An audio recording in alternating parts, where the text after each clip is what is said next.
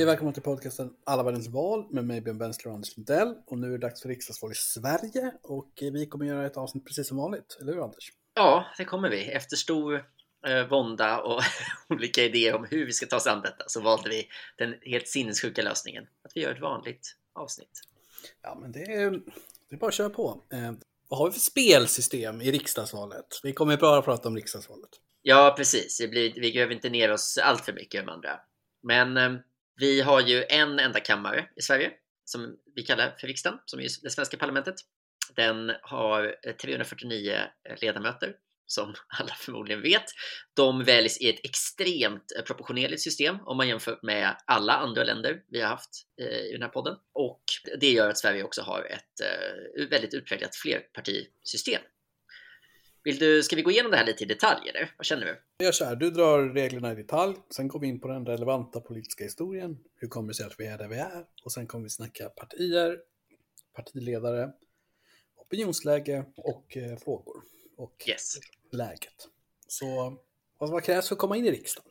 Ja, för att komma in i riksdagen så är vi ju den berömda 4%-spärren. Det är ju liksom det enda avsteget från proportionalitet egentligen som vi har. I övrigt så eh, fördelas ju alla platser väldigt, väldigt jämnt bland alla partierna som har fått 4%. Och vi har, Sverige har ju valkretsar precis som alla andra länder har, alltså någon typ av geografisk fördelning för eh, vilka liksom, kandidater som ska komma in på respektive mandat.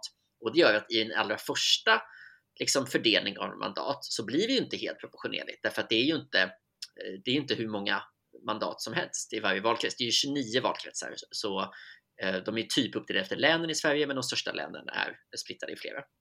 Och eh, det gör, men däremot så har vi ju efter det så gör man ju en, en omräkning av alla platser som har delats ut och kollar så att de, ifall de stämmer med liksom, fördelningen av rösterna med den här jämkade uddatalsmetoden som det heter, alltså som är sättet man delar ut röster på. Och, eh, och efter man har liksom kontrollkört det så delar man ut eh, de extra utjämningsmandaten. Eh, och det gör att Sverige då har ett väldigt, väldigt proportionerligt system eh, och inte egentligen får så att vår de valkretsarna vi har, och det här skiljer vi, jag tror inte att vi har sett något annat system som har så. Eh, valkretsarna vi har ger ju bara en vad ska man säga, geografisk fördelning av platserna. De innebär inte typ en viktning mellan stad och land till exempel, som det är i andra, i andra länder. Eh, nej, och sen kan vi säga lite andra grejer då. Att, det är alltid val i september i Sverige. Mm. Eh, och det är ju för att det är, skörden är intagen och isen har inte lagt sig. Eh, och sen är det ju fasta val, eh, vad säger man, mandatperioder. Så även om det skulle vara ett extraval så är det alltid val vart, liksom i september vart fjärde år. Vilket ju är väldigt ovanligt. Ja, och den har ju flyttats eh, bakåt en vecka, valdagen, och det handlar ju om att få lite, lite mer marginal för att hinna få, plats, få på plats en statsbudget. Så att det är inte bara isarna och skörden som styr. Det har blivit mer komplicerat att fixa en statsbudget. Ja, men så en vecka till. Ja, och då kan vi gå in på konstigheterna i Sveriges regeringsbildning. Att en statsminister behöver inte ha stöd av majoriteten av parlamentet, eller hur Anders? Nej, precis. Nyligen så har, man fått en, har vi gjort en förändring då att det måste hållas en statsministeromröstning. Så var det ju inte ens förut. Så tidigare så kunde man ju liksom glida på och riksdagen liksom. Men nu finns det, nu står det i, i eh, nu har vi det liksom fäst i lag att man måste ha en, en omröstning och där är det ju då negativ parlamentarism som gäller. Alltså att den person som har eh, som inte röstas ned av en majoritet av riksdagen får stöd. Och det här har vi ju sett liksom, i närtid. Eh, det hände ju liksom, den innevarande mandatperioden att eh, både Löfven när han tillträdde igen här och Magdalena Andersson eh, när hon tillträdde, tillträdde ju med liksom, fler nej-röster än ja-röster. Men, med, men inte en majoritet nej-röster. Och Ja. superexemplet är väl Ola Ullsten. Som kom- kommer, tar vi på rak arm hur många, hur många liksom, riksdagsledamöter eller procent Jo, han hade bakom sig. 39 riksdagsledamöter.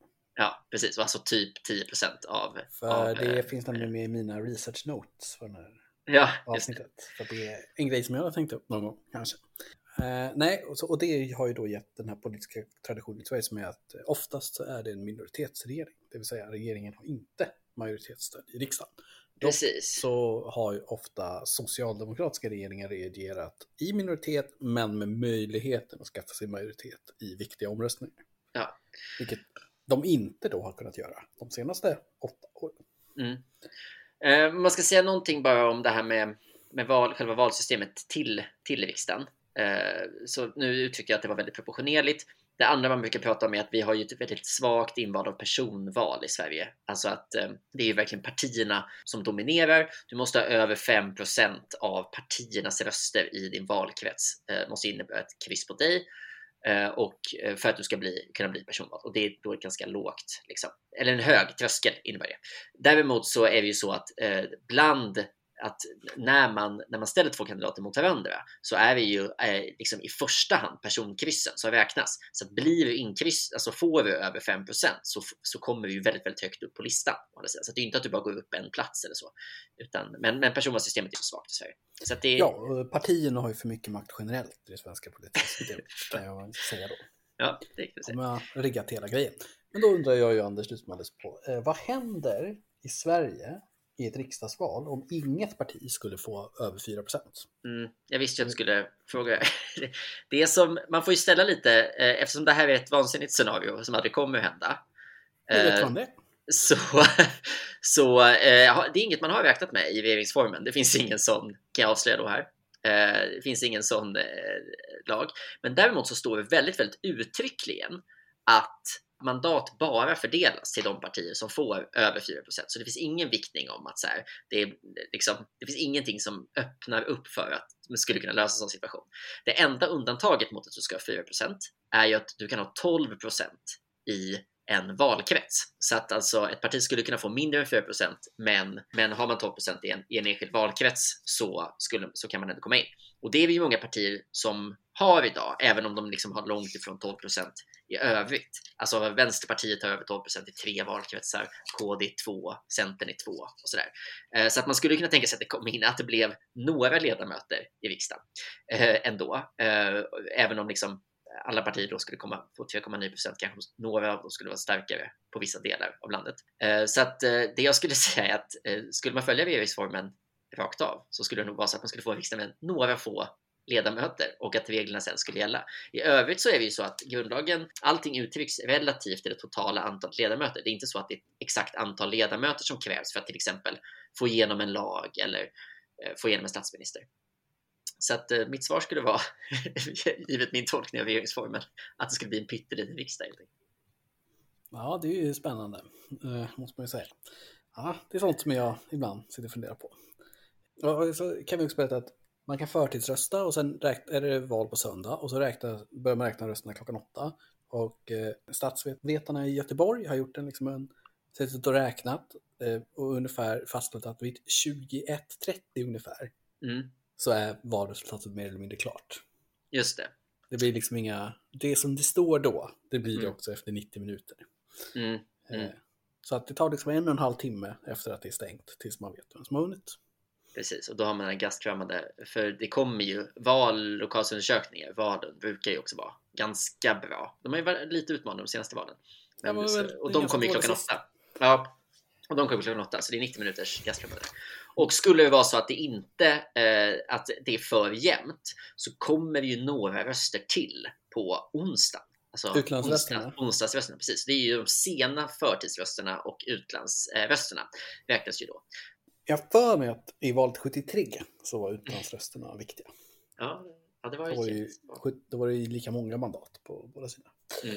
Eh, ja, men eh, är det något mer du vill säga om valsystemet i Sverige? Nej, jag har en kuriositet då om de lokala valen också som jag tycker vi kan, vi kan nämna, som jag tänker att folk, man kanske inte har koll på, just det här med spärren. Att det är en 4% spärr till riksdagen, men på kommunal och regional nivå så är den ju lägre. Den är eh, 2% i grundprincipen Eh, men i nästan alla kommuner numera så är det 3% för har man över en, mer än en valkrets så, så ska det vara 3 eh, Så att det är 2 3 som är spärrgränsen eh, lokalt. Och det finns också en gullig regel tycker jag som är att för att bli inkryssad så måste man ha 50 röster minst. Så du kan inte jag bor i en jätteliten kommun så kan du inte samla ihop 50 pers och komma in. Eller 49 ja, kan du samla mm. Vi brukar oftast nämna vad Freedom House rankar mm. länderna och Sverige är ju ett av deras favoritländer. Ja, eh, sällan man ser det. Inte ens liksom Frankrike och sådär har ju eh, liksom 60 av 60 och 40 av 40 på alla. Så det, det var kul att se att Sverige klarade sig bra. Ja, ja. ska vi snacka lite om hur vi kommer, att vi är, vart vi är? Ja, nu vill jag höra din eh, berättelse om den svenska demokratin. Vi har gått igenom lite svensk politisk historia här. Det finns ju mycket att säga, men man kan säga så här för den som kanske lyssnar på den här podden och inte har känt att 1800-talets svenska politik ligger varmt om hjärtat.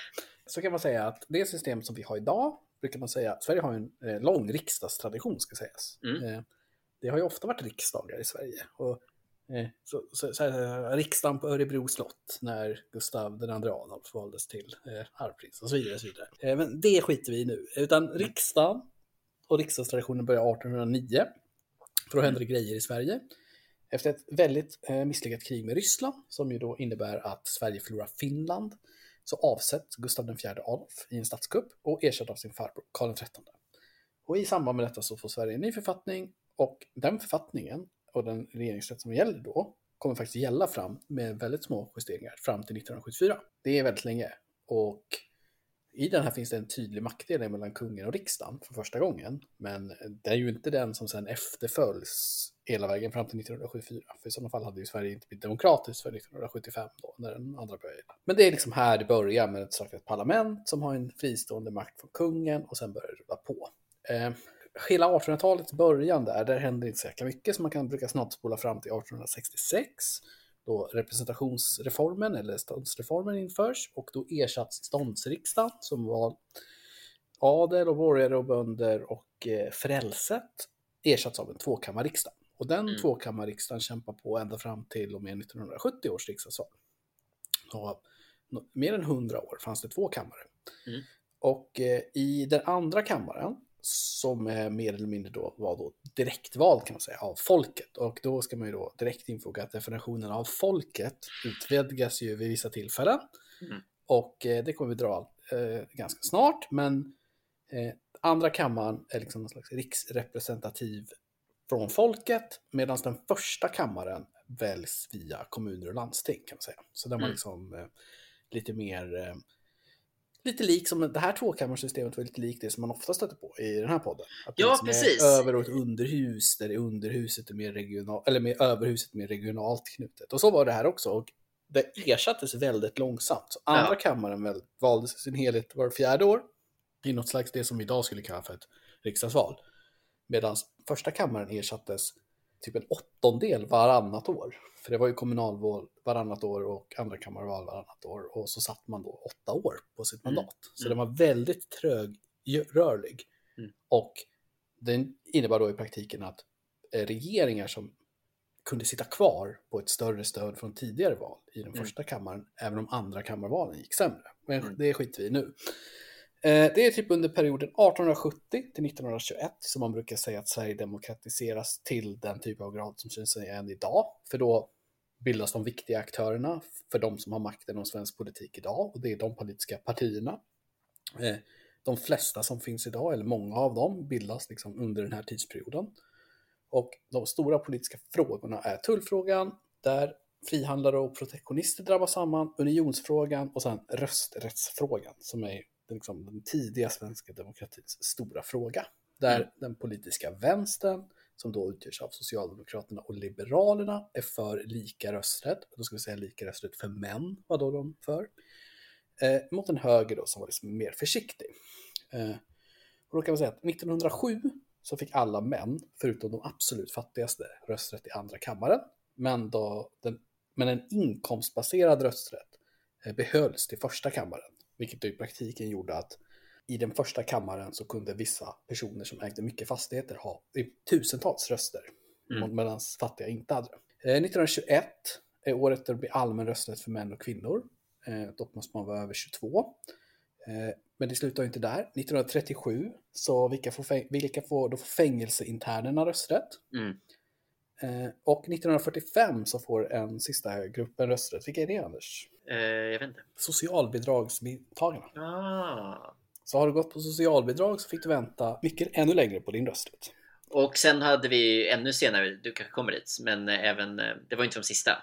Utan eh, vi har haft minoriteter och personer med vissa funktionsnedsättningar har ju också fått vänta ännu längre. Precis, det kommer komma till alldeles strax faktiskt. Eh, Men vi är inte där riktigt än, utan parlamentarismens genombrott, det vill säga när Mm. parlamentet tar makten, eh, brukar man säga att den sker 1905 i Sverige. Den trogne lyssnaren till den här podden vet att vi har snackat om det här, för 1905 är året med fyra statsministrar i Sverige. Mm. Och det är då Sverige och Norge separerar. Mm. Och eh, det är då kungens regering faller två gånger om och till slut bildas en ny regering som bara bygger på parlamentets sammansättning, ledd av den ärkekonservativa Christian Lundeberg, som ror unionsfrågan i hamn. Och från 1917 så är liksom parlamentarismen helt eh, normaliserad i Sverige på så sätt att kungen lägger sig inte i regeringsbildningen på något annat sätt än väldigt liksom, formellt. Och eh, hela det, kungens roll blir ännu mer betydelse, mindre betydelsefull i och med 1975 års grundlag då, som verkligen petar bort kungen konstitutionellt. Medan från 1917 och framåt så är det en praxis. Man kan väl säga att det är liksom från 1974 till nu så är Mm. spelreglerna väldigt, väldigt lika. Eh, det är liksom eh, en enkammarriksdag som fylls på ungefär samma sätt. Mm. Eh, men det finns liksom vissa grejer med den svenska demokratin som jag tycker är lite intressant. Eh, som jag tänkte vi ska gå igenom och plocka lite på här. Mm. Eh, och då kan man säga att en grej som jag tycker är intressant är att man har haft liksom under den demokratiska startperioden så har man liksom haft någon slags, man kan kanske, kanske säga att det är barnsjukdomar i demokratin, men de här folkomröstningarna man hade tidigt är väldigt intressanta. Mm. Mm. För det första så har man den första folkomröstningen i Sverige och det är ju om dryckesförbudet. Ja. Och det är ju i samband med valet 1921. Och det är det Fruktansvärt en- jämnt. Och eh, det är det enda riksdagsvalet där vi vet exakt hur män och kvinnor röstade. För Mm. män och kvinnor hade olika valsedlar, olika färg. Och det hade man av anledningen att om det blev helt jämnt så skulle man låta sidan med flest män vinna. ja. Eh, det var väldigt jämnt. Eh, kvinnorna röstade eh, för ett dryckesförbud, männen röstade nej. Mm. Eh, nej vann. Sen har man kört konstiga folkomröstningar och även du som är en demokratikille Anders kan ju Mm. verkligen förklara för mig vad, vad syftet och nyttan av pensionsfrågan-omröstningen och kärnkraftsomröstningen var där det inte fanns två alternativ utan det fanns flera alternativ, inget fick en demokratisk majoritet bakom sig. Och eh, kärnkraftsfrågan är ju om man lyssnar på dagens politiska debatt knappast, knappast död och begravd i Sverige om man säger så. Nej, det är roligt att både kärnkraft och eh, liksom pensionsfrågan, det var ju, pensionsfrågan var ju tidigare på 50-talet, den på något sätt inte lika närvarande för oss då. Men eh, båda de två, just för att det var tre linjer i båda två, eh, och eh, liksom man lyckades, det känns som att pensionsfrågan lyckades man lite mer kanske begrava med tiden. Men att ingen av dem löste ut frågorna. Ofta är det ju därför man har liksom, folkomröstningar. För att liksom, en fråga ska lösas ut från den partipolitiska dynamiken. Och så har ju inte på sikt blivit. Liksom. Nej, men man har bara folkomröstat om eh, konstitutionella frågor kan man säga på senare tid och det är EU och EMU. Och det tycker Ja. jag är, det är ju rimligare. Liksom. Kan vi inte nämna det sista? Det är ju roligt också att eh, liksom, det riktiga liksom, eh, sorgebarnet bland folkomröstningarna är ju vänstertrafiksfrågan också. För där var vi ju, där var vi ju inte jämnt. Så att säga. Nej. Och det var inte tre alternativ, för det finns bara två sidor av en väg eh, att köra på. Utan det var ju en förkrossande majoritet för att behålla vänstertrafiken. Och sen, ja, Och vi har liksom rö- röstat i Sverige om vilken sida av vägen vi ska köra på och vi har röstat om att vi ska outsourca en stor del av vår lagstiftning till en, till en tredje part som är EU. Båda Mm. de sakerna har liksom, ja, det, det är folkomröstning om. Mm. Eh, det är lika värt. Eh, man kan också säga att senast vi hade ett sånt här extraval i Sverige var 1958 och det var också på grund av pensionsfrågan. Så det betyder att vi hade andra kammarval i Sverige både 56, 58 och 60. Jobbigt. Det här extravalet från 1958 tycker jag är jävligt intressant för att jag tror att svensk demokrati hade varit en bättre plats idag om det aldrig hade hänt.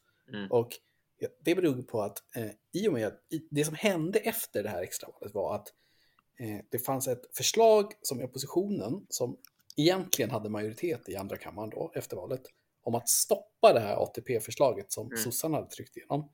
Men då avvek en liberal ledamot, Ture Königson, och sket i att rösta för det här förslaget. Den avstod så det gick inte igenom.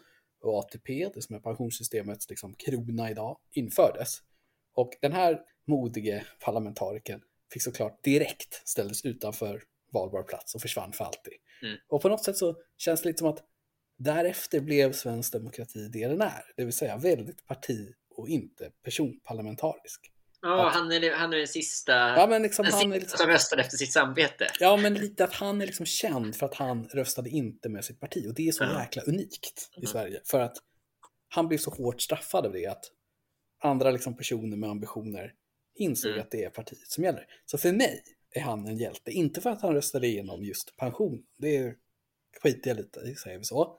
Mm. Men han agerade på ett sätt som jag tror, om fler hade gjort, hade det varit bättre. Och det är Mm. synd att det blev som det blev. Eh, så en liten shout-out till Ture där.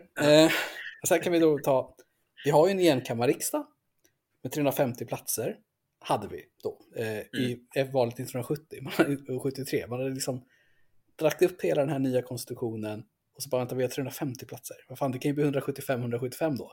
Aj då. Mm.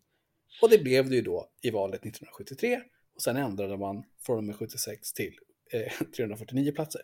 Och då hade man alltså 175 för båda blocken. Ja, Ja, väl, verkligen barn, konstitutionell barnsjukdom får man säga. ja det, är, det är faktiskt otroligt alltså, att, att man i ett helt proportionerligt parlamentaristiskt system inte insåg att man behövde ha udda antal. Och då satt ju S såklart kvar vid makten, för då hade man inte det här att det måste vara en statsministeromröstning. Nej, precis. För vad hade hänt? Lek med tanken att det hade varit idag med den regeln om att du måste ha en statsministeromröstning. Mm. Vad hade hänt om det var två block med 175-175 Anders? Alltså man hade ju lottat till slut. Mm. Det ju, Ja. För det var ju så riksdagen blev. Det blev man brukar kalla den lotteri. Fast hade man lottat fram en talman då? ja, det, eh, talman hade man ju ändå, men var ju bara att han satt kvar. För att jag tror att det är samma regler med statsminister. Alltså att blir det, eh, alltså hade det blivit helt jämnt så hade man. Men det konstiga är ju då att, men just om det är 175-175, det är ju helt omöjligt. För jag menar, blir det 174-174 så sitter ju statsministern kvar. Ja, Det, det är ju tydliga. Mm. Så att, men, men blir det 175-175 så, så borde det rimligtvis vara att det, att blir till lottning. Ja, stökigt. Eh, generellt kan man säga att valdeltagandet är väldigt högt i Sverige och varit Mm. eh, väldigt högt. Mm. Och högt i de senaste valen. Men en sista intressant aspekt som har kommit upp här det är samerna och samefrågan. För Mm. samerna som ju då är ursprungsbefolkning i Sverige har inte, som i många andra demokratier, en garanterad representation i riksdagen. Nej. Eh, det är självt ett, ett annat självbestämmande via Sametinget som vi inte ska gå in på här för att det är inte det vi diskuterar. Men eh, jag tycker att det är väldigt intressant att eh, samerna inte har någon plats i riksdagen. För det hade ju faktiskt gett dem riktig makt och inflytande. Kunna vara tungan på vågen som vi såg i den här senaste mandatperioden då en politisk vilde från Socialdemokraterna, eller Vänsterpartiet, fick liksom avgöra regeringsfrågan. Ja. Och jag tycker det säger något om den svenska relationen till samerna, att de inte överhuvudtaget får liksom, den här typen av representation i riksdagen. Det är också intressant med tanke på, apropå alltså det vi har sagt tidigare, alltså att det är så ett, en väldigt vanlig lösning med, med en sån kvot. Ja, att det, man har ju aldrig ens hört det som ett förslag i Sverige. Nej, det, och det, kommer, det har aldrig varit aktuellt. Nej. Och det här är ju något som Sverige har fått internationell kritik för, Mm. för samehanteringen vid flera tillfällen. Korrekt. Och jag läste en artikel i SVT häromdagen och håll i hatten nu Anders, men enligt den så var det 250 år sedan det satt en politiker i riksdagen på ett ordinarie mandat som var same. Jaha, ja det är 250 år. häpnadsväckande. Mm, men det finns hopp. För Henrik Blind från Jokkmokk, Ja, han är sjätte man på Miljöpartiets riksdagslista. ja, Då kommer ännu- då troligen in i riksdagen, kanske, om Miljöpartiet kommer in i riksdagen. Och jag är inte miljöpartist, kan jag avslöja i den här podden nu, men jag kommer tycka att det är riktigt bra om Henrik Blind från Jokkmokk kommer in i riksdagen. Då blir Kul! riksdagen... Bi- Björn, du on fire med olika endorsements här. Det Mm. stolt. Ja, Gläder man, mig. man får sticka ut lite. Det är han och Macron som jag gillar. ja. Ja, Så där har vi svensk politisk historia kan man väl säga, delvis. Föredömligt. Mm. Där samerna Eh, borde få ta större plats. Ja, men ska vi dra partierna då snabbt Anders? Det borde inte vara konstigheter för dig. Dra dem. Nej, det, det borde inte vara Eh, för någon nästan. Det är ju många eh, och det som är väldigt intressant med Sverige, vi har ju ett väldigt bestående partiväsen. Det brukar man också prata om och det kan man också verkligen säga jämfört med andra partierna. Alltså att vi, det, till, det tillkommer ett parti typ var tionde år och inget åker någonsin ut. Och vi har ett väldigt, väldigt stabilt politiskt system eller ett partiväsende. Eh, och det finns väl massa skäl till det. Ett är väl som du sa att kulturen har varit så väldigt partilojal, att personer inte har stuckit ut så mycket. Ett annat är väl 4%-spärren och den höga proportionaliteten och det låga personinslaget. Vet du vilket det äldsta partiet är, Björn? Men det är det äldsta partiet som sitter i Sveriges riksdag. Ja, Eh, Jag skulle gissa att det är... Vad är det så här inklusive eller exklusive partisprängningar? Men det- annars skulle jag gissa att det är Moderaterna, Allmänna valmanförbundet. nej men det är sossarna. Sossarna är den där som, som bildades på 1800-talet. Har de sitter nu. 1889. Moderaterna bildades som Allmänna valmansförbundet, blev sen Högerpartiet och blev sen eh, Eh, Moderaterna och bildades ju då i början på 1900-talet. Eh, Liberalerna och Centerpartiet bildades ju också båda två i, i början på 1900-talet. Det som är, om man ska se någon slags trend, Vänsterpartiet bildades ju som en ursplittring från eh, Socialdemokraterna, bildades 1917. Och sen de partier som har tillkommit från den här, först, eh, i det första läget var det ju väldigt, väldigt lätt att se liksom de ekonomiska baserna för partierna. Alltså Socialdemokraterna som fackföreningsrörelsens parti, Moderaterna som liksom, storkapitalets parti på ett sätt, Liberalerna som den liksom urbana borgerligheten och Bondeförbundet som, som böndernas parti. Och sen de partier som har tillkommit senare, som Miljöpartiet, Kristdemokraterna och Sverigedemokraterna, är ju mycket, mycket mer idéburna partier. Så det är ju typ det sättet man kan, man kan se den historiska skillnaden eh, mellan dem på något sätt. Det jag skulle säga av de partier som har tillkommit är att de har tillkommit för att de har på något sätt transcenderat partierna som fanns i riksdagen vid tillfället med någon typ av politisk fråga. Mm. Och sen mm. har man ganska snabbt eh, informats i en höger-vänster-värld. Just det. Typ att Miljöpartiet var inte ett vänsterparti när de kom in i riksdagen, men de är definitivt på vänstersidan nu. Sverigedemokraterna var kanske inte ett tydligt borgerligt parti när de kom in i riksdagen, och det är de väl inte nu heller, men de är ju tydligt till höger. Liksom. Och KD var ju också samma sak, att man också kom in och länge var ett parti som inte betraktade sig själva som höger och vänster och kanske inte själva och kanske inte betraktade lika tydligt eh, utifrån som höger och vänster. Även om det nu är liksom ett, ett väldigt uppenbart högerparti. Men höger-vänster-konflikten är ju väldigt tydlig i svensk politik fortfarande. Sen vad den exakt innebär nu, det är ju en annan Ja, liksom. det... Men det är ju där ändå man ska förstå svensk politik. Ja, verkligen. Eh, så att nu har vi ju de här åtta. Och en annan sak jag tyckte var intressant när jag kollade lite innan var är att det också är eh, liksom en ganska jämn fördelning över, alltså sett till hela landet. Det är lätt att beskriva så här, ja men Centerpartiet är eh, mer ett landsbygdsparti och sådär. Men eh, om man tittar på liksom, eh, rösterna så har de, alltså, jag tyckte att om man tittar på hur det går i varenda valkrets så är skillnaderna för respektive parti i valkretsarna inte alls lika stor som, som i många andra länder numera. Det finns en, liksom en, en jämnhet, liksom. vilket också på något sätt intressant. Det är som att det är så cementerat partisystem att det på något sätt, vad ska man säga, följer med ner i mindre, på mindre nivåer också. Sen finns det såklart, eh, på kommunal nivå blir det ju en, en, en väldigt, väldigt stor skillnad. Liksom. Eh, och liksom, eh, fram tills, nu har ju det ändrats lite, men fram tills nyligen var det ju vanligt att Socialdemokraterna eller Moderaterna hade egen majoritet till exempel. Så, eh, så är det ju inte nu. Ska, vi, ska vi dra partiledarna lite snabbt då? Så ja. Vi kan ju börja med Socialdemokraterna som då har sittande statsminister Magdalena Andersson. Ja. Första kvinnliga svenska statsministern. Hon har ju precis tagit över från Stefan Löfven kan man säga. Eller in, gick in i det här året som, mm. som efterträdare va? Precis, slutet på förra. Ja, just det, slutet på ja. eh, nej, men Hon var ju då tidigare finansminister och är ju superrutinerad politiker liksom. Eh, inom socialdemokratin har ju många av de tidigare statsministrarna gått vägen från eh, inte många, men partiledarna i alla fall, att alltså finansminister är ju liksom, det är ju, mm, mm, det är ju liksom tillväxtjobbet. Verkligen. Till, till the big one. Eh, hon är ju från Uppsala, va, eller hur? Ja. Och eh, är ju, ska vi inte bedöma alla här så, men eh, ändå ganska intressant politiker på något sätt. Hon kommer ju från eh, den, den falang inom socialdemokratin som ändå är liksom den här Stockholmsbaserade som har väldigt mycket styrt partiet länge. Och hon är väldigt populär internt och har väldigt bra mät betyg mätningar och så också. Så hon ses väl som ett starkt kort för dem, eller har jag helt missat? Nej, det, det väl, har väl verkligen varit en spaning den här valrörelsen, att man har lagt mycket krut på det från sossarna. Eh, Vänsterpartiet leds av en ny partiledare den här valrörelsen också. Eh, mm. Så det är två nya där.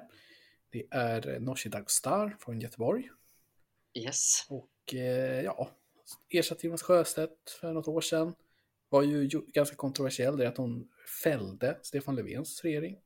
Ja, innebar ju verkligen, det är väl det partiledarskiftet. Det har varit väldigt många partiledarskiften i, jag tänkte på det för jag tittade på när man tittar valet 18, så är det många partiledare, men vi kan återkomma till det. Men eh, det var ju en tydlig, det blev en tydlig policyförändring av henne, alltså på så vis att man blev mycket Oh ja, hon gjorde något riktigt tufft där, att hon då inte stödde Socialdemokraterna och då röstade, röstade för, med, ihop med en misstroendeförklaring mm. som andra mm. partier växlade och avsatt Stefan Löfven som sen återkom. Och detta gjorde man ju över hyresfrågor, eller hur? Ja, precis. Det handlade om en utredning på nyproduktion i hyresrätt. Jag tycker inte att man har fått jättemycket intryck av vem hon är som person i den här valrörelsen. När hon typ utfrågades i P1 och sådär så lite att hon, det, lite att hon vill att det ska vara väldigt trevlig stämning. Ja, och kanske att hon inte verkar tycka att Vänsterpartiets, eh, alltså med tanke på hur starkt avtryck eh, Nooshi Dadgostar gjorde i början av sin period som partiledare så är det intressant att hon inte verkar eh, trivas så mycket med Vänsterpartiets politik. Alltså undviker gärna att svara på direkta frågor om vad de tycker och så. Ja, resten på vänsterkanten så har vi då eh, Miljöpartiet som har Per Bolund och eh, Märta Stenevi. Miljöpartiet har ju alltid två partiledare, eller hur mm. Anders? Ja, två språkare. Istället för en som de andra. Eh, jag tycker det är lite töntigt kan jag ju säga då direkt. Eh, det var väl en intressant grej från början, men nu så tror jag nog bara att ja, varför inte ha en partiledare? Per Bolund har ju aura han har, han har en otroligt bra aura av att man skulle vara en ganska anonym socialdemokratisk minister. Men eh, han, jag tycker ändå att han har liksom, hade sin bästa stund den här mandatperioden när eh, Jimmy Åkesson gick ut och förklarade att han skulle liksom misstroendeförklaring mot just Per Bolund. Mm. Eh, att han blev liksom Jimmy Åkessons första fiende. Det var nog hans bästa stund. Märta Stenevi har ingen bild av, hon har ju tillkommit väldigt nyligen, eller hur? Typ också under mandatperioden. Ja, precis, i början av förra året. Var inte hon också lite att hon var typ inte jättekänd innan det? Hon var ju partisekreterare så att eh, det beror på, kommer ändå från insidan av partiet. Liksom. Men eh, nej, det har väl alltid varit i metadebatten om Miljöpartiets eh, språkrör och det har ju hängt med även de tidigare så har man ju alltid sagt att personer blir liksom, det är sällan en skjuts för någons förtroende att tillträda som Miljöpartiets språkrör. Utan det, Ja, de har två i alla fall, det är lite rörigt. De mäter ju väldigt dåligt, alltså partiledarförtroendet och sådär. Det är ju ingen av Miljöpartiets språkrör sen Gustaf Fridolin har ju haft anmärkningsvärda förtroendesiffror. Alltså de har legat väldigt lågt och väldigt mycket i botten. De är ganska okända också. Mm. De har liksom, ja, nu ska inte jag vara den, men det känns som att de har liksom inte någon profilerade ledare just nu. Och det är väl också en, eh, alltså, som du nämnde, en svaghet med eh, språkrörsmodellen. Då går vi till Centern. Vi tar det här liksom från någon slags mm. glidande skala. Mm. Som ju leds av Annie Lööf som ju är eh, en av Sveriges mest ambitiösa personer. kan vi fastslå. Nej, men hon var ju yngst i riksdagen när hon kom in i riksdagen. Mm. Har juristexamen. Är liksom väldigt duktig, kompetent. Och eh, ganska framgångsrik politiker ändå. Hon har ju också gjort en liten Nooshi Dadgostar, den här varelsen. De är egentligen de två som har, liksom har brutit med något. Mm. Att hon har ju ändå tydligt lämnat, hon skulle ju givetvis säga att alliansen har lämnat henne. Ja. Men det är ju så att det är ju, majoriteten av alliansen har ju in, gått åt ett annat håll och hon mm. har gått åt det andra. Men eh, det eh. får man, kan man ju säga att även Johan Persson har gjort då, om man ska över till, till Liberalerna. Så ja, har han ju också inneburit ett tydligt skifte i lojalitet. Liksom. Så det är nog spännande att de stora skiftena som har hänt med partiledarbytena har ju varit liksom maktpolitiskt eh, ändå, om man ska säga det, det är något. Då har vi ju Liberalerna med Johan Persson som har tillkommit, man brukar säga under mandatperioden, jo, under valrörelsen. Kan man säga. Ja, minns du vem som ledde Liberalerna i förra valrörelsen? Jo, men det var ju Jan Björklund. Ja, precis. Men det är nästan en kuggfråga. Man tänker att det var Sabuni. Hon fick aldrig ens en valrörelse. Så de, är... alltså, de har ju haft stökigt under mandatperioden. Eh, de bytte partiledare två gånger har de gjort under mandatperioden. Mm. Och de var i en opinionskris i våras som vi fick Sabuni delvis avgå. Och Johan Persson som har ju kommit in som en på engelska uttrycket a safe pair of hands. Liksom. ja. ja. Och vänt dem i opinionen måste man ändå säga att han gjorde. Nu ser det lite sämre ut igen, men han har ju ändå gjort avtryck. Ja, det får man verkligen säga. Och Folkpartiet har ju dock tydligt tagit steget åt andra hållet än vad Centern gjorde då. Mm. Så att de var ju tajta förut och inte tajta nu kan man säga. Sen har vi Kristdemokraterna med Ebba Busch som ju gör sitt andra val som partiledare, eller hur? Mm. Väldigt eh, liksom, duktig kommunikatör, tycker jag eh, tar mycket plats, känns som en väldigt så här, en tillgång för det partiet, tror jag. Ja, verkligen. Det är väl, eh, när man hör folk beskriva så finns ju en likhet mellan både Bush i eh, KD och eh, Annie Lööf C som ju är att båda två liksom har alltså, stöpt om partierna både till mycket mer, alltså där de är liksom starkare än sina partier och liksom partierna anpassat sig efter partiledaren. Det är ju intressant, det är också en liksom, en liten ny trend på något sätt. Hon har också rätt intressant bakgrund där Bush. Alltså så här, liksom, hon är ju ändå del av den kristdemokratiska rörelsen verkligen. Liksom. Mm. Liksom kommer ju från den bakgrunden. Eh, och sen har vi Ulf Kristersson då, Moderaternas partiledare som är sitt andra val. Eh, vad vill du säga om han Anders, tycker du? den andra statsministerkandidaten. Kan man Ja, säga. vi tittade ju båda två, precis. Vi spelade in det här onsdag kväll. Vi, så vi båda har hunnit se lite av eh, den här, vad ska man kalla det, det som SVT höll nu precis med Nu var det statsministerduellen. Och det är ju tittbart tycker jag. Eh, Partiledardebatterna, vi tittar inte ens på dem. Eh, Vi gör ändå en podd om politik. Ja, det är svårt med, men där får man säga, jag tycker att det var första gången i den här valrörelsen man såg eh, Kristerssons eh, styrkor som, som retoriker på något sätt. Ja, Jag tyckte han, var klart bäst i den här. han lyckades hitta någon slags eh, liksom en, en ton som funkade där han, är, där han blev typ initierad utan att vara mästrande och eh, tjurig. Annars har ju det varit en väldigt stor snackis de senaste veckorna att det går så fruktansvärt dåligt för Moderaterna och att det är Kristerssons fel. Känns ju som att det verkligen har funnits en, en återkommande synpunkt om Moderaterna har varit förlorare i just det här, den här duellen mellan de två statsministerkandidaterna. Man kan ju säga att Ulf Kristersson är väl den som har gjort den största, troligtvis kanske långsiktiga politiska förändringen i Sverige under den här mandatperioden. I och med att han liksom ändå har flyttat in Moderaterna i ett samarbete med Sverigedemokraterna. Att liksom, han har byggt, satsat på ett långsiktigt regeringsunderlag som bygger på Sverigedemokraterna, vilket inte var aktuellt inför förra valet och inte har varit aktuellt tidigare. Så att liksom, det som man kanske har gått och väntat lite på, att, att den etablerade högern ska vända sig till Sverigedemokraterna för regeringsmakten, har hänt. Och det är på Ulf Kristerssons initiativ det har hänt. Och det kan ju vara så att det här är det regeringsunderlag som sitter i kommande åtta år, eller ännu mer. Liksom att det här tryggar Moderaterna, eller möjliggör Moderaterna att regera Mm. eh, långsiktigt, som han har gjort nu. Och jag tror att det är, eftersom jag, spoiler, tror att Ulf Kristersson är Sveriges nästa statsminister, så kan det här vara liksom väldigt konsekventiellt. Och ikväll kan det ha varit, eh, tror jag. En, Nej, en debatt avgör inget. Nej, jag tror, jag tror att det kan avgöra om det är så att man lyckas motbevisa, alltså att man lyckas komma med ny information. Jag upplevde att han kanske på något sätt gjorde det om sig själv. Ja, men se. Och sen har vi då Jimmy Åkesson kvar som är partiledare för Sverigedemokraterna, har varit det hur länge som helst och har ju då varit ja, men en av svensk politisk historias mest framgångsrika partiledare får man ju säga. I alla fall Mm. elektoralt. Liksom. Det är få som kan jämföra sig med det här. Eh, sen kan man tycka vad man vill om det. Men eh, oerhört framgångsrik och är väl också lite som Annie Lööf och Ebba Busch att han är större än sitt parti. Mm. Men det kanske är väl en liten spaning nu när vi gått igenom det här, att det är väldigt starka partiledare. Ja, eh, precis. På något sätt, åtminstone liksom i relation till partierna, eller man ska säga. Alltså att det finns en... Eh, ja, eh, partierna har justerats efter sina partiledare i, i hög utsträckning. Eh, och sen är det ju också intressant att man också har eh, bytt partiledare i så många. Alltså jag tycker ändå att det är, alltså eh, Socialdemokraterna, Miljöpartiet, Liberalerna och Vänsterpartiet har bytt Ja, partiledare. att miljö- Socialdemokraternas partiledarbyte var ju helt nödvändigt. Ja, eh, jag för att det här ska fortsätta vara en jämn valrörelse. Ja. Men, eh, men det är någonting, det är, det är jäkligt intressant att, att det är så pass många.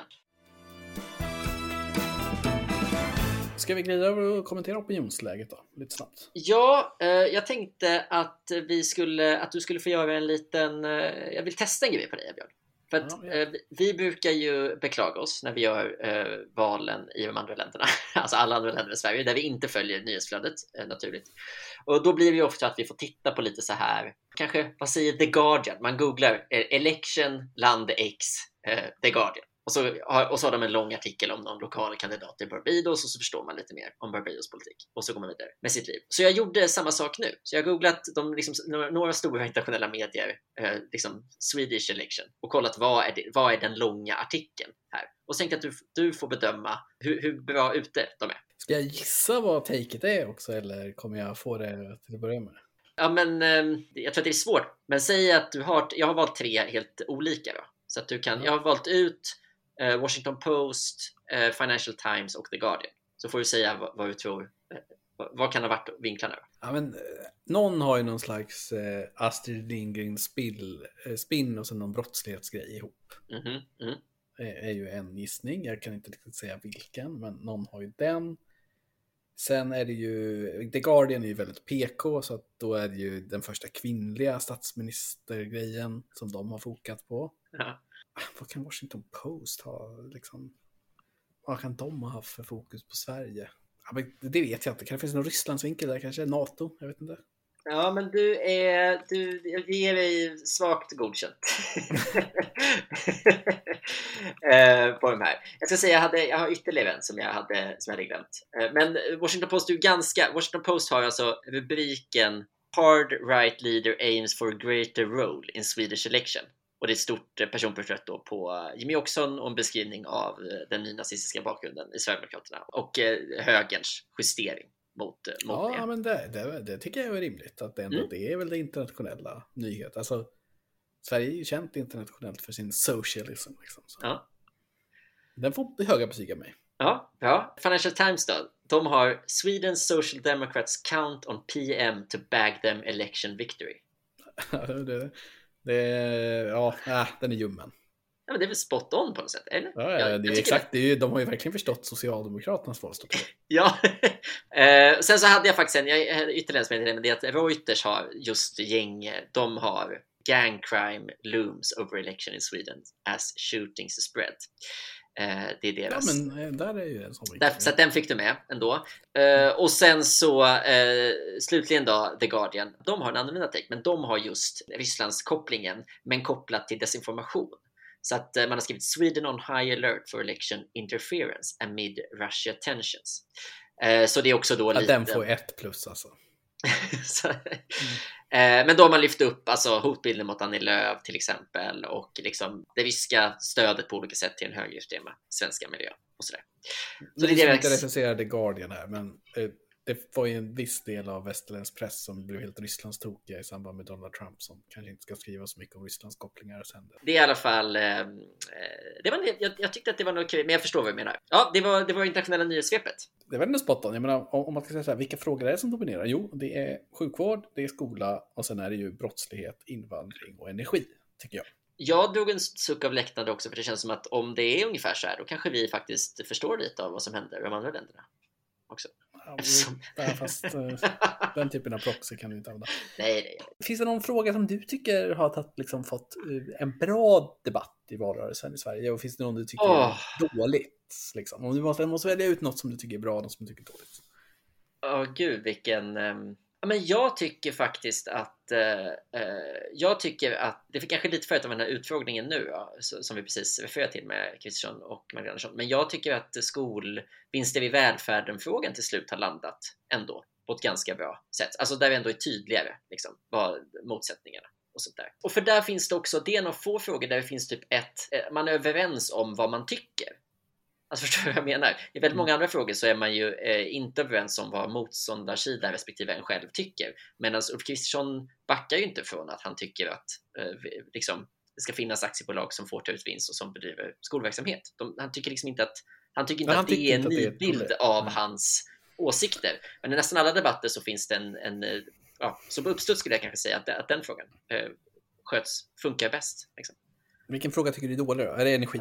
Ja, men jag är ju färgad apropå att du ja, mm. jag är ju färgad av mitt miljöpartistiska arv. Men alltså, när jag var eh, ungdomsförbundare 2010 i valrörelserna och var ute och tog debatter, då var vi fascinerade över att högern fortfarande eh, liksom tjatade om kärnkraft i klimatdebatterna. Och då visste man ju inte att, att det kommer ju vara så i 12 år till och bli mer och mer. Liksom. Så att eh, det, det, är ju en, en otrolig, det är inte bara att, jag, att man kan bli lite matt på debatten och liksom eh, europeiska energimarknaden hit och dit, utan det är också eh, att man påminns om den dramatiska felbedömningen jag själv gjorde för 12 år sedan. Ja, på tal om felbedömningar ska man säga att jag kan tycka att om jag ska säga något om debatten i, i Sverige så, mm. så tycker jag att den präglas lite för lite av eh, Ryssland och Ukraina-konflikten. Ja, det är väldigt. Den inte tar tillräckligt stor eh, plats. Att konsekvenserna av det här kriget för Sverige och för svenska medborgare har mm. redan märkts redan men kommer bli ännu större. Och att svensk medelklass på något sätt inte ska vara opåverkade av ja. det här och att det är någon slags rättighet. Det har jag. Ja, jag, jag skulle vilja se liksom mer samtidigt, alltså sätta in det i en större europeisk mm. kontext och hur mm. det påverkar Sverige. Det tycker jag låser med sin frånvaro. Lite. Det är väldigt intressant, men har inte det en liten koppling till energidebatten också? Att det skulle desarmera den lite grann. Om, ja. om det var så att, att man eh, antog att ett krig i Europa påverkade svenska energipriser men, så eh, kanske det skulle ändra.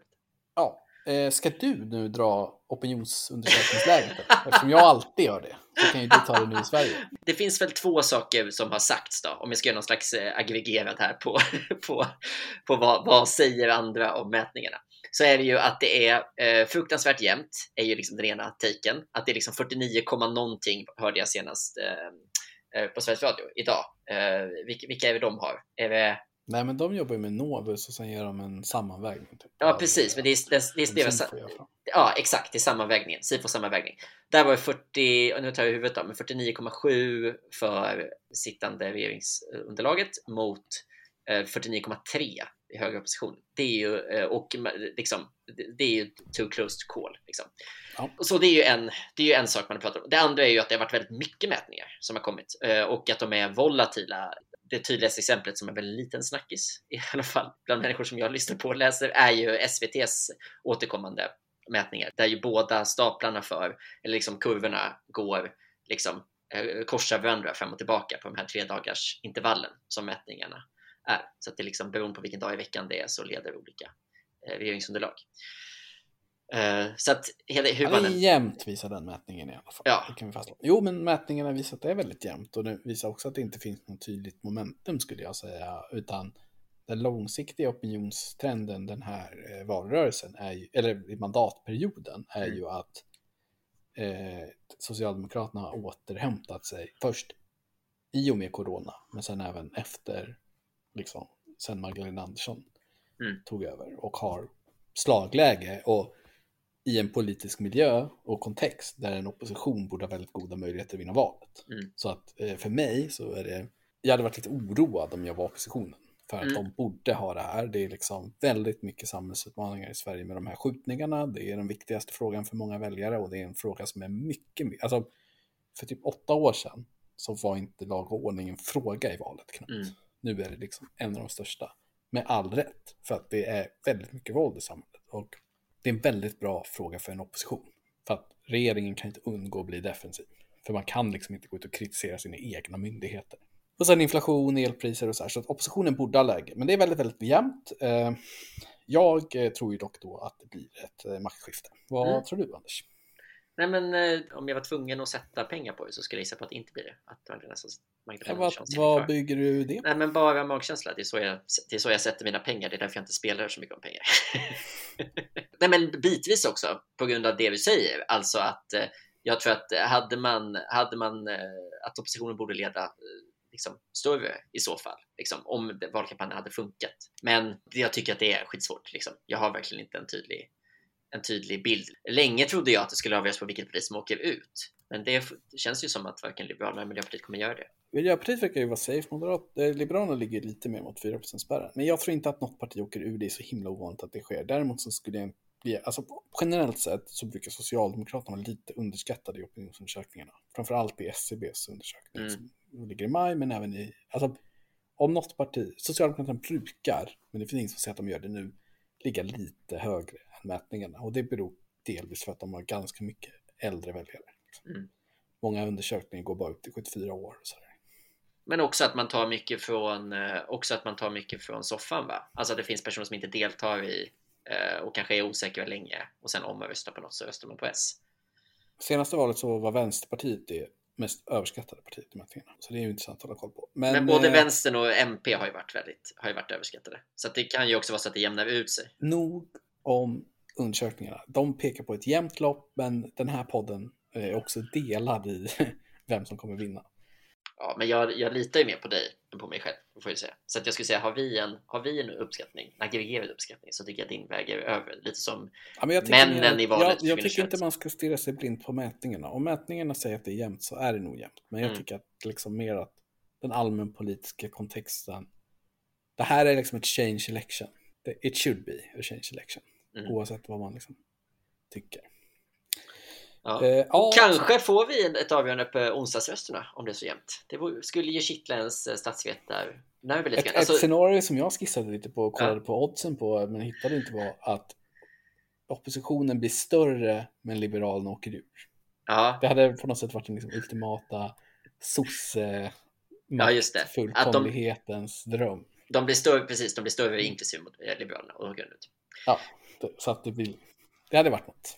ja, men får man säga det om, om OSAS-rösterna, det är alltså inte så få som man kan tro. För det är alltså 160 000? 160 000 röstberättigande utlandssvenskar. Sen röstar de mycket, mycket lägre utsträckning än andra. Det är typ 40 procent i valdeltagande. Men det är ändå 64 000, alltså en, en helt okej eh, kommun större än snittet. Liksom. Så att eh, det och, och där är alltså Moderaterna. Man har bara gjort en enda mätning de senaste åren och det var 2014 så att det, det kan ju ha hänt mycket med utlandssvenskarna. Men utlandssvenskarna är ju liksom eh, tjänstemän snarare än arbetare, medelålders snarare än unga eller gamla och höginkomsttagare snarare än låginkomsttagare. Bor de, i USA. De röstar i mycket, mycket högre utsträckning på eh, Moderaterna än vad svenskar som bor i Sverige gör och i mycket, mycket lägre utsträckning på sossarna. Och Moderaterna är liksom den stora, stora vinnaren här. Eh, och de enda två partierna i den här mätningen man gjorde i övrigt som hade ett större eh, stöd, det var Liberalerna och MP. Men det är ju partier som hade en lite annan demografi 2014. Så att, eh, jag tror inte att det kommer synas här. Eh, ja, men då har du något avslutande spaning på valet eller någonting som... Nej, men jag... jag har... Eller har du något sista? Nej, det, jag eh, tror att man kan eh, gå och lägga sig vid 22-tiden på söndag. kommer vara klart då. Då är det klart. Då, är vi, då står Kristersson med en bukett i handen och eh, tackar folket för deras stöd. Ja, det är min spaning. Mm. Vill du eh, veta vad som blir nästa val vi pratar om? Ja, det jag, tror, jag tror att det är Italien. Ja, eh, om du vill det Björn, så är vi Italien. Om du inte vill det så blir det eh, parlamentsvalet i Sao Tome och Principe som sker samma dag. Ja, men tar vi Italien först. Men sen är det väl dags för Brasilien? Eller? Jag ska tala om för dig och lyssnarna att nu har det varit lite glapp här fram till Sverige, men vi kommer ha otroligt många avsnitt att göra i slut. Månadsskiftet september, oktober. För under en vecka så är de här två länderna, Italien, Sao och Principe. Sen är det eh, inom loppet av eh, två dagar så är det Lettland, Brasilien, Bosnien och Bulgarien. Men alltså, Bulgarien val igen? Bulgarien är val igen, jag behöver inte läsa på. Det är bara kör. Så väldigt mycket fram emot Lettland, det är spännande. Lettland, eh, ja, det känns kul. Brasilien eh, är ju höstens roligaste val. Så att eh, vi har en härlig, ett härligt september-oktober. Så det blir väl några som blir lite tidigare då. För att vi ska hinna. Men vi, vi hörs om Italien helt enkelt. Mm. Så får vi se hur det går sen. Ja, gott.